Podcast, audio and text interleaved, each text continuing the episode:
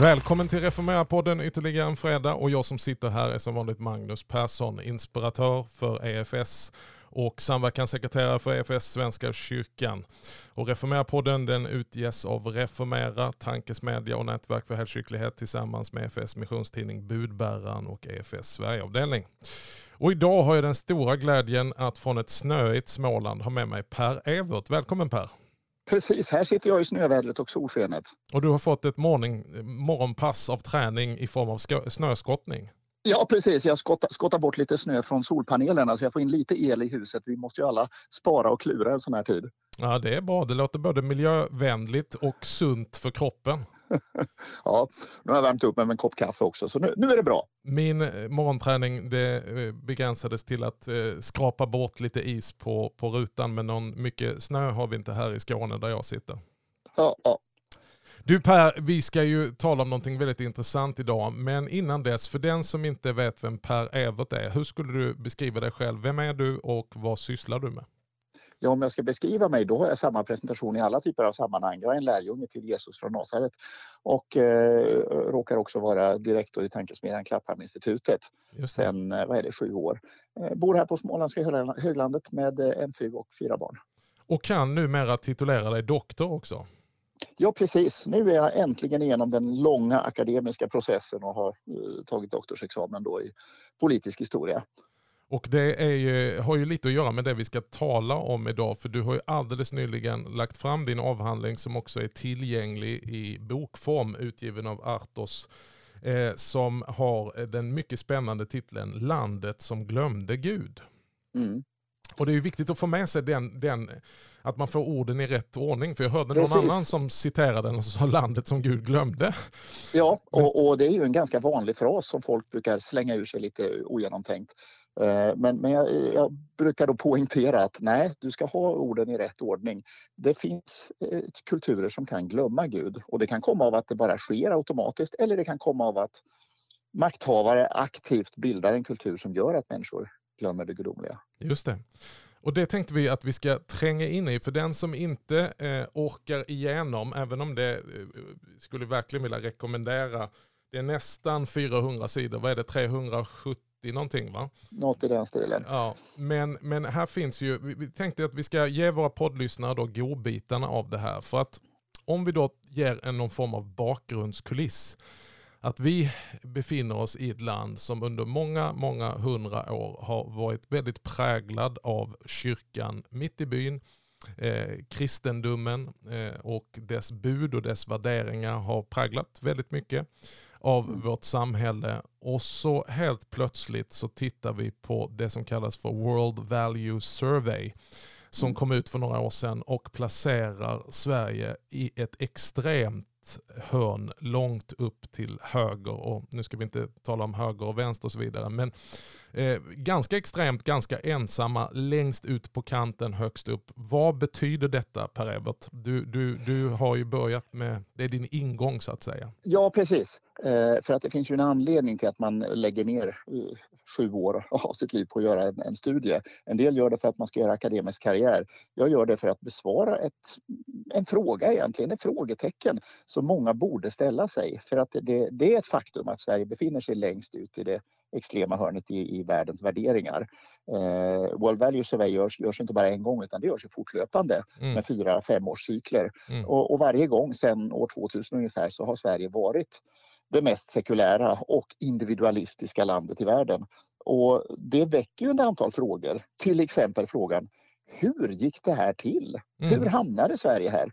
Och då tänker man att det borde vara ett antal forskare som har jobbat med den frågan redan och det finns ju en del delstudier så att säga som har skrivits i smalare ämnen. Men det är ingen som har tagit det övergripande greppet och, och tittat på hur har politiken agerat? Har det funnits en medveten politisk strävan för att dra Sverige i sekulär och individualistisk riktning?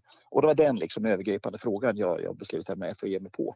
Ja, och det har du gjort med den äran. Du har verkligen tagit ett grepp om detta. För vi skulle väl kunna säga som så här att nu befinner vi oss i din avhandling i 1900-talet och eh, mm. utvecklingen under 1900-talet fram till den punkt där vi befinner oss nu och landar då på den här eh, World Value Survey där Sverige helt plötsligt befinner sig som ja, ska vi kalla det för extremt sekulariserat, det vet jag inte om du använder just det ordet.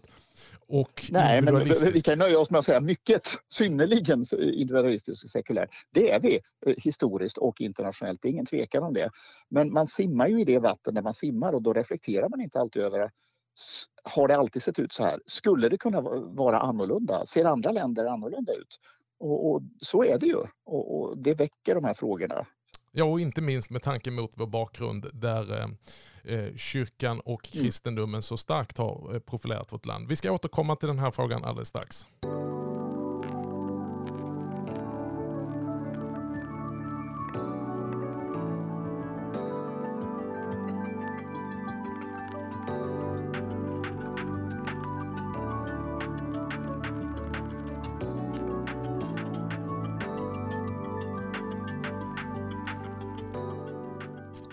Ja, jag sitter alltså i dagens avsnitt av Reformera-podden med Per Evert och vi diskuterar hans avhandling som också finns tillgänglig som bok, Landet som glömde Gud.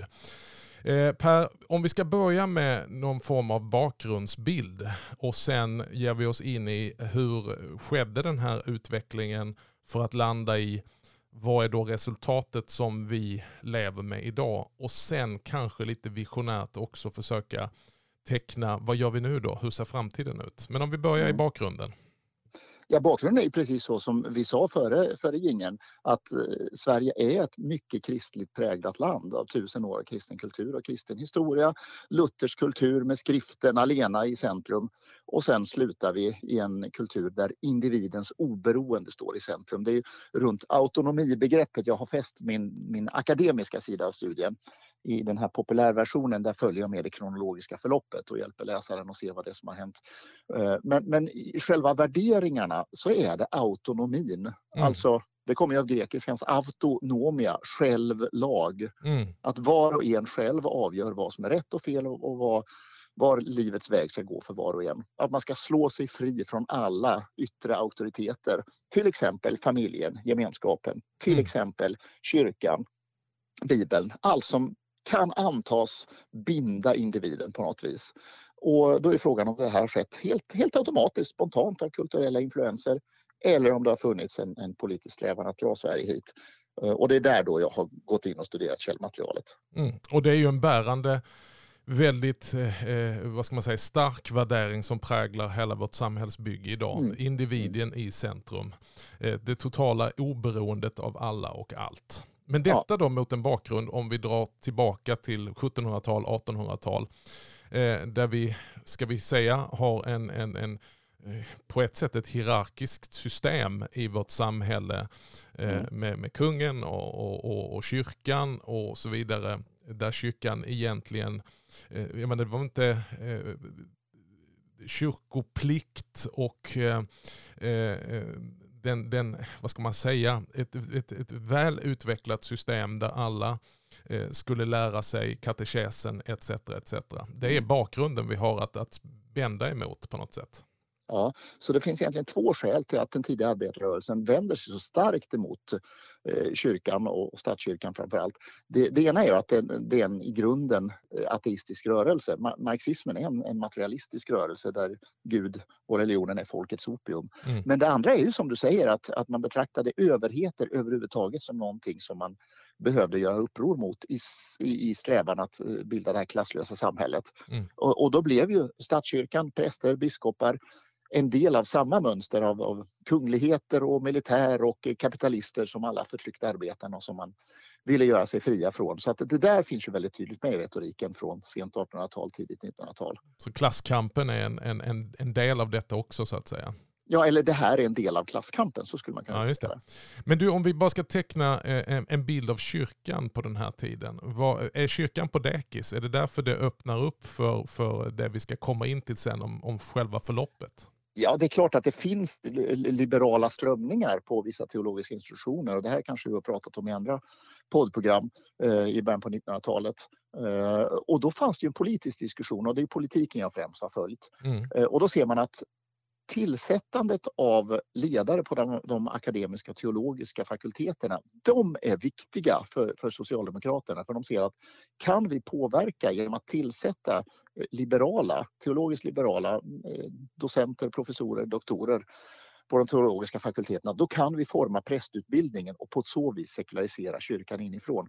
Så att det är det tidigaste sättet som man mm, tar sig för att eh, utöva politiskt inflytande. Mm. När Socialdemokraterna första gången kommer in i regering 1917, då tar man omedelbart kontroll över ecklesiastikdepartementet, mm. det vill säga kontrollen över kyrkan och skolan. Därför man ser att ska vi reformera samhället, då är det kyrkan och skolan som vi behöver ta oss an och, och det är också två av de viktigaste områdena som man använder för att bygga det här långsiktiga sekulära och individualistiska projektet. Jag tycker det är så intressant för att samtidigt med detta och tidigare under 1800-talet så, så har vi ju en annan inomkyrklig reformrörelse, förnyelserörelse, väckelserörelserna mm. som springer fram. Som också är en reaktion mot kyrkan och att kyrkan eh, är lite grann på dekis. Kyrkan börjar bli deformerad, kyrkan eh, sitter lite för mycket i knät på makten eh, och som sen tydliggörs under 1900-talet. Eh, och har tappat tappat sitt distinkta evangeliska tilltal, den eh, andliga förnyelsen och frumheten, vilket skapar en grogrund för väckelserörelser, inte minst den väckelserörelsen jag är en del av och, arbetar för. Men, mm. eh, så det är ju intressant att det samtidigt med den här eh, mörka utveckling som vi ser under 1900-talet så eh, sker det ju också en, de här rörelserna. Ja, och, och, Socialdemokraterna, när de diskuterar internt på partikongresser och så vidare, då underblåser de ju och uppmuntrar all typ av liberalisering och eh, eh, nedtoning av kyrkan och gör kyrkan försiktigare på olika sätt. Eh, de är däremot väldigt rädda för inomkyrkliga och även frikyrkliga väckelserörelser och det, det talar de öppet om. Till exempel chartuanismen, den är jag jätterädd för. Och, och säga att här är ett tydligt exempel på varför vi måste behålla statskyrkan och påverka den inifrån. För om vi släpper den fri, mm. då kan sådana här rörelser ta över och, och, skapa ett nytt liv i kyrkan och det vill vi inte. Samma sak med Stockholms stift som är, som är nytt stift vid den här tiden. Mm. Uh, och Manfred Björkqvist är de jätterädda för. Just det. Eh, Tage Erlander är väldigt upprörd. På, ja, precis. Ja. Tage Erlander är jätteupprörd på Björkqvist i sin, sin dagbok för där skriver han ju hur han faktiskt känner över att han är så, så ful fisk för att politiken har inget nät som de kan fånga in honom i. Och det tycker jag är en väldigt intressant formulering. Mm. Men du, om vi, om vi tar det från början nu, håller jag på att säga. Mm. Det, det, det, är ju begränsat hur mycket man kan ta i en podd, men jag tycker det här är intressant och viktigt för människor som brinner för kyrkan, är aktiva och, och tjänar mm. kyrkan att, att få, få en bild av detta. Så att eh, eh, trots att det då finns väckelserörelser som börjar tidigt på 1800-talet och i mitten på 1800-talet så blommar de ut och vi, vi står mitt i en folkväckelse där många som bara har haft en ja, ska vi kalla det för en teoretisk tro eller någon form av liksom pliktskyldigt medlemskap mm. i kyrkan kommer till levande tro. Men där någonstans i början av 1900-talet så startar den här processen att ta greppet om kyrkan så att mm. de här förnyelserörelserna inte ska kunna lyckas med att göra kyrkan levande igen. Hur, hur börjar detta? Vad kommer du fram till i din avhandling? Ja, där är det två spår som pågår samtidigt egentligen inom socialdemokratin från början så är planen egentligen att avskaffa statskyrkan, avskaffa religionen ur skolan. Det, det, det är en väldigt tydlig linje därför att man ser att religionen måste liksom bort ur offentligheten och ska inte ha med staten att göra. Men sen under tiden, under 1910-talet, 1920-talet då börjar fler och fler inse att ja, men det kanske ändå är en klokare strategi att behålla kyrkan, förändra den inifrån demokratisera eh, är ord som man använder, mm. vilket i själva verket betyder ju egentligen sekularisera och politisera kyrkan. Mm. Och det är den strategin man eh, väljer till slut. Eh, framförallt så, så tvekar ju Arthur Engberg, den första ecklesiastikministern under eh, per, per, Albin. Mm. Eh, han tvekar fram och tillbaka kring vilken strategi som är mest effektiv. Men, men till slut så landar han ändå i att nej, men vi ska behålla den så länge så att vi kan och det här citerar han ju faktiskt och säger explicit så att kyrkan kan användas för att avkristna folket. Mm. Och det är, en, det är en drastisk, fruktansvärt drastisk formulering. Men den är intressant därför att den är så talande och han säger det så öppet vad som är planen. Ja, det är De flesta lindar ju in det. Ja, Det de flesta lindar ju in det. Ja. Ja, han säger det i en bok som heter Statskyrkans avskaffande från 1918. Han säger det också i riksdagsdebatt så att det är alldeles uppenbart att han har tänkt igenom det. Men sen när han börjar närma sig ministerpost själv så, så blir han ju mer strategisk Mm. eh, och, och mindre frän i sin kristendomskritik. Han är fanatisk kristendomsfientlig Mm. eh, under sina unga år men, men tar sig för att det här är mitt politiska värv. Eh, och och han, han lyckas faktiskt väldigt effektivt, det måste man säga. Pekar du ut någon arkitekt eh, som är tydlig arkitekt i det här programmet?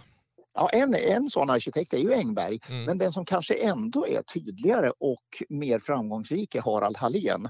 Eh, Och jag vet inte, innan du började sitta i den här boken, hur mycket kände du till Harald Hallén? Jag har aldrig hört namnet innan. Nej, det är ju otroligt märkligt därför att han är den mest inflytelserika personen i att forma eh, den svenska statskyrkan under tidigt 1900-tal och den statskyrka så som den blev under sent 1900-tal.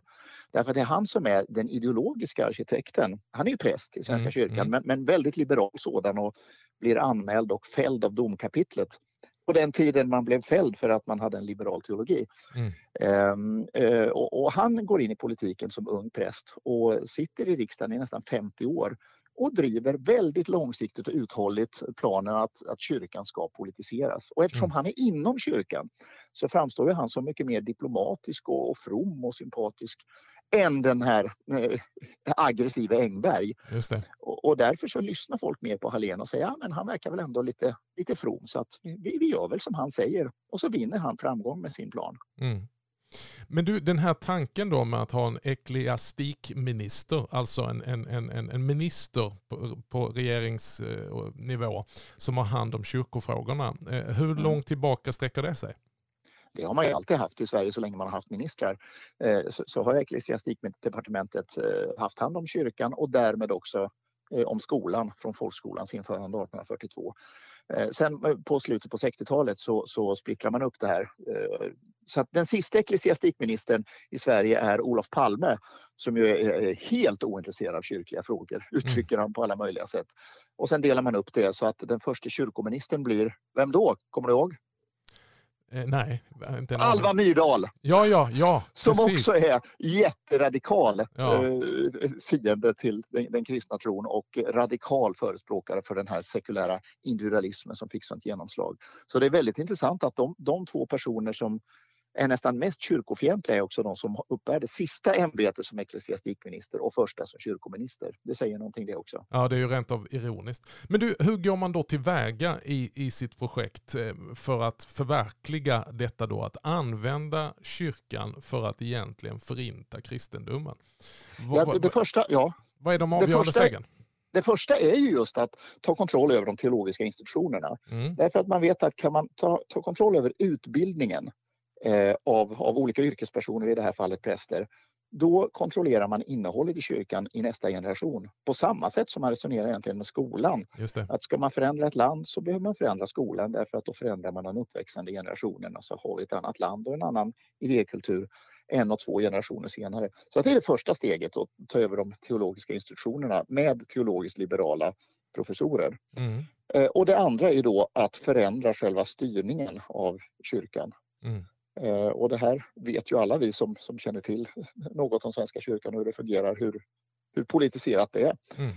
Men, men när man kommer till andra länder, även våra grannländer, så, så tycker de det är helt förvirrande det svenska systemet. Men, Mm. men hur menar ni då? Har ni, inte, har ni inte kyrkligt engagerade? De är väl ändå kyrkoaktiva? Och, och sen väljs ut och åka till kyrkomötet? Nej, nej, det behövs inte i Sverige. Utan i Sverige har vi politiska partier som ställer upp i kyrkoval och det förekommer inte någon annanstans eh, heller där man har haft eller har lutherska statskyrkor. Och det är ju, det är ju märkligt att, eh, att inte det ges mer reflektion även i dagens Mm. eh, kyrkodebatt. Att, är man stolt över att vi, vi är minsann de enda och, och visade att det är något unikt bra eller det känns som att det finns en eh, väldigt eh, smått utrymme för att påpeka det absurda i detta. Även om biskopar uttalar sig. Eh, Mm. ja, Nej, men det är väl just det här att vi simmar i det vatten vi simmar och då tänker man inte på att vattnet kan ha annorlunda färg eller vi, vi har de glasögon på oss eh, som vi har och då, då ser vi världen och Sverige med de linserna och tänker att så här är det självklart att det ska vara. Mm. Men det är det absolut inte. Det är historiskt och internationellt unikt. Och det här gick till, till väga i tre steg då. Att man först förändrade den lokala kyrkoorganisationen, mm. församlingsstyrena, eh, i början på 30-talet och, och införde partipolitiserade val där. Och sen tar man det på stiftsnivå i, i lite blygsammare eh, skala.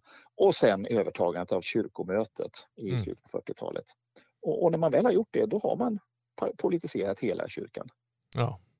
Du, eh, Per Albin Hansson, han, han är ju en, en person som är förknippad med det som eh, präglar väldigt mycket av 1900-talet eh, med mm. folkhemmet och så vidare. Mm. Hur, hur, hur får den här visionen plats i hans folkhem? Ja, på ett sätt så är, så är folkhemsvisionen förhållandevis traditionell. Nationen mm. är viktig och familjen och hemmet är viktiga och så där. Men kyrkan är inte viktig alls. Den, den har inte ett plats, en naturlig plats i folkhemmet. Utan det är ju snarare så att när han väl blir tvingad att kommentera religiösa frågor så gör han det ungefär med attityden att det, det har ju inte en naturlig plats i ett modernt samhälle som vi håller på att bygga. Han är inte radikalt kristendomsfientlig på samma sätt som Engberg mm. utan han är mer statsmannamässig framförallt när han blir, blir statsminister. Mm. Så att han tar inte de konflikterna öppet utan det är mer att han betraktar det som, som ointressant i ett modernt samhälle. Mm. Vem är det som radikaliserar den här idén då? Jo, men det är ju, det är ju Hallén och Engberg som ibland bråkar de med varann mm. i riksdagen. Mm. Det var på den tiden som partikamrater kunde bråka med varandra i riksdagen och rösta olika. Och de bråkade med varandra på partikongresserna där, där Hallén var mer kyrkopositiv och, och Engberg var liksom grundläggande fientlig. Men båda hade egentligen samma grundläggande långsiktiga mål, mm. nämligen att politisera kyrkan. Så att fastän de var så olika så drev de ändå sitt parti och Sverige i den riktning som, som gjorde Sverige till det här extrema exemplet i världen. Är det för att man ser eh, kyrkan som ett potentiellt hot mot att förverkliga sina socialdemokratiska visioner? Ja, så är det ju. Och återigen, alla typer av auktoriteter är någonting som man vänder sig mot. Och jag trodde ju egentligen när jag, när jag gick in i det här projektet att det kanske skulle vara mer tydligt antikyrklig retorik från det socialdemokratiska ledarskapet, men det är det inte. Mm. Utan det är framförallt de här fanatiska religionsfienderna som, som Engberg och senare Stellan Arvidsson. Eh, men annars är det framförallt att man, är, man opponerar sig mot auktoriteter överallt där de, där de uppträder. Och, och, inom kyrkan så handlar det framförallt kanske tydligast om kyrkoherdens roll. Mm. Det är väldigt ofta som det är beslut fram och tillbaka.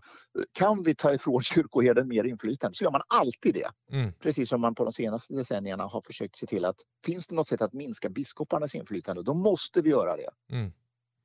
Genom då att använda den politiska arenan och eh, bygga om organisationen så att den blir ja, mer politiserad och politikerstyrd. Ja. Vad är de avgörande stegen då? De avgörande personerna som under 1900-talet leder oss fram till den positionen där vi har idag? Jo, men eh, nu, nu har vi förklarat egentligen de avgörande stegen i statskyrkan. Det är att politisera för, församlingsnivå, sen stiftsnivå och sen framförallt kyrkomötet. Och när man väl hade gjort det, då visste man att Visst, prästerna kan bråka och biskoparna kan vara lite problematiska och så här. Men i långa loppet så kommer vår politiska linje att segra därför att vi har förändrat själva styret i kyrkomötet. Så det är bara att vänta ut den processen. Eh, så att det är tre avgörande arenor som förändras. Det är kyrkan, det är skolan och det är familjen och det sker just i den ordningen. Mm. Och det är möjligt att det kunde varit i en annan ordning i ett annat land. Mm. Men, men just i Sverige så, så kanske det är så att det finns en logisk ordning i det också. Att har man väl avväpnat kyrkan, för det var ju på något vis det man, det man gjorde, man skapade det kungliga salighetsverket mm. som, som Engberg sa i riksdagen. Mm. En statlig institution som sysslar med lite, lite religiösa frågor men i övrigt inte, inte har några vapen så att säga. Mm. Och då kan man gå vidare och mm. dels sekularisera och dels eh, individualisera skolan. Men du, du tar upp också att Engberg på ålderns höst kommer på andra tankar när han reflekterar ja. över detta. Ja, det är jätteintressant. Eh, I somras så hade jag en mycket märklig upplevelse. Eh, mina svärföräldrar fick besök av någon gammal farbror och jag tyckte jag kände igen namnet. Och då fiskade jag lite och insåg att det var Lars Beltzén heter han och han har skrivit en biografi över Engberg tillsammans med sin far. Mm. Eh, på 70-talet och jag har använt den mycket eh, som underlag i min forskning. Och, och, då åkte jag och träffade honom och han berättade om hur hans pappa satt och intervjuade prästen som, eh, som satt vid, vid Engbergs dödsbädd. Mm. Och det var oerhört fascinerande att komma så nära och han tipsade också om, om talet som den här lokala prästen höll vid Engbergs bår som jag har läst nu också. Det, oerhört fascinerande att komma så nära och också följa hur en person kan förändras mm. i, i, sitt liv. Och, och, I Engbergs fall så handlar det mycket om att ja, dels blir han mer strategisk och mer lugn i sin retorik när han väl blev minister. Men på något vis så får man känslan att han också blir influerad. Framförallt av arbetet med att eh, göra om eh, psalmboken. Mm. För om man gör om en psalmbok då, då faller det under ecklesiastikministerns fögderi. Och han, han engagerar sig i det här arbetet på något vis eh, för att han tyckte det var en kulturgärning. Men man ser att det också berörde honom personligt så att när han skriver texter på slutet när han har lämnat ministerposten och blivit landshövding då, då är de mer, ibland till och med vänliga mot mm. den kristna tron. Mm. Som han i hela sitt liv tidigare har motarbetat så intensivt. Och den här lokala prästen då, Conny Edlund i Härnösand var det väl. Eh, han berättar att på, på slutet så satt han vid Engbergs bror och eh, gav honom nattvarden och Engberg dog som troende kristen. Mm. Men o vad han hade hunnit förstöra i annan riktning under sitt liv. Du nämner någonting i din bok också att han eh, var kritisk mot hur kyrkan hade blivit. Dels genom hans egen verksamhet mm. naturligtvis. Mm. Och att de hade tappat bort det, det varma evangeliska tilltalet och han lyfter upp Levi Petrus och pingströrelsen mm. som ett mycket bättre alternativ. Mm.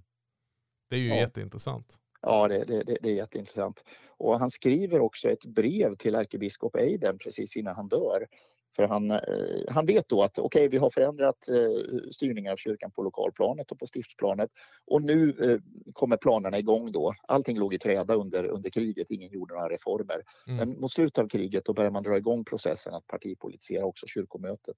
Och då skriver han ett brev till ärkebiskopen och vill träffa honom för att samtala om hur kyrkan kanske ska försöka motarbeta den här strategin för han inser nu att den kanske inte är så klok.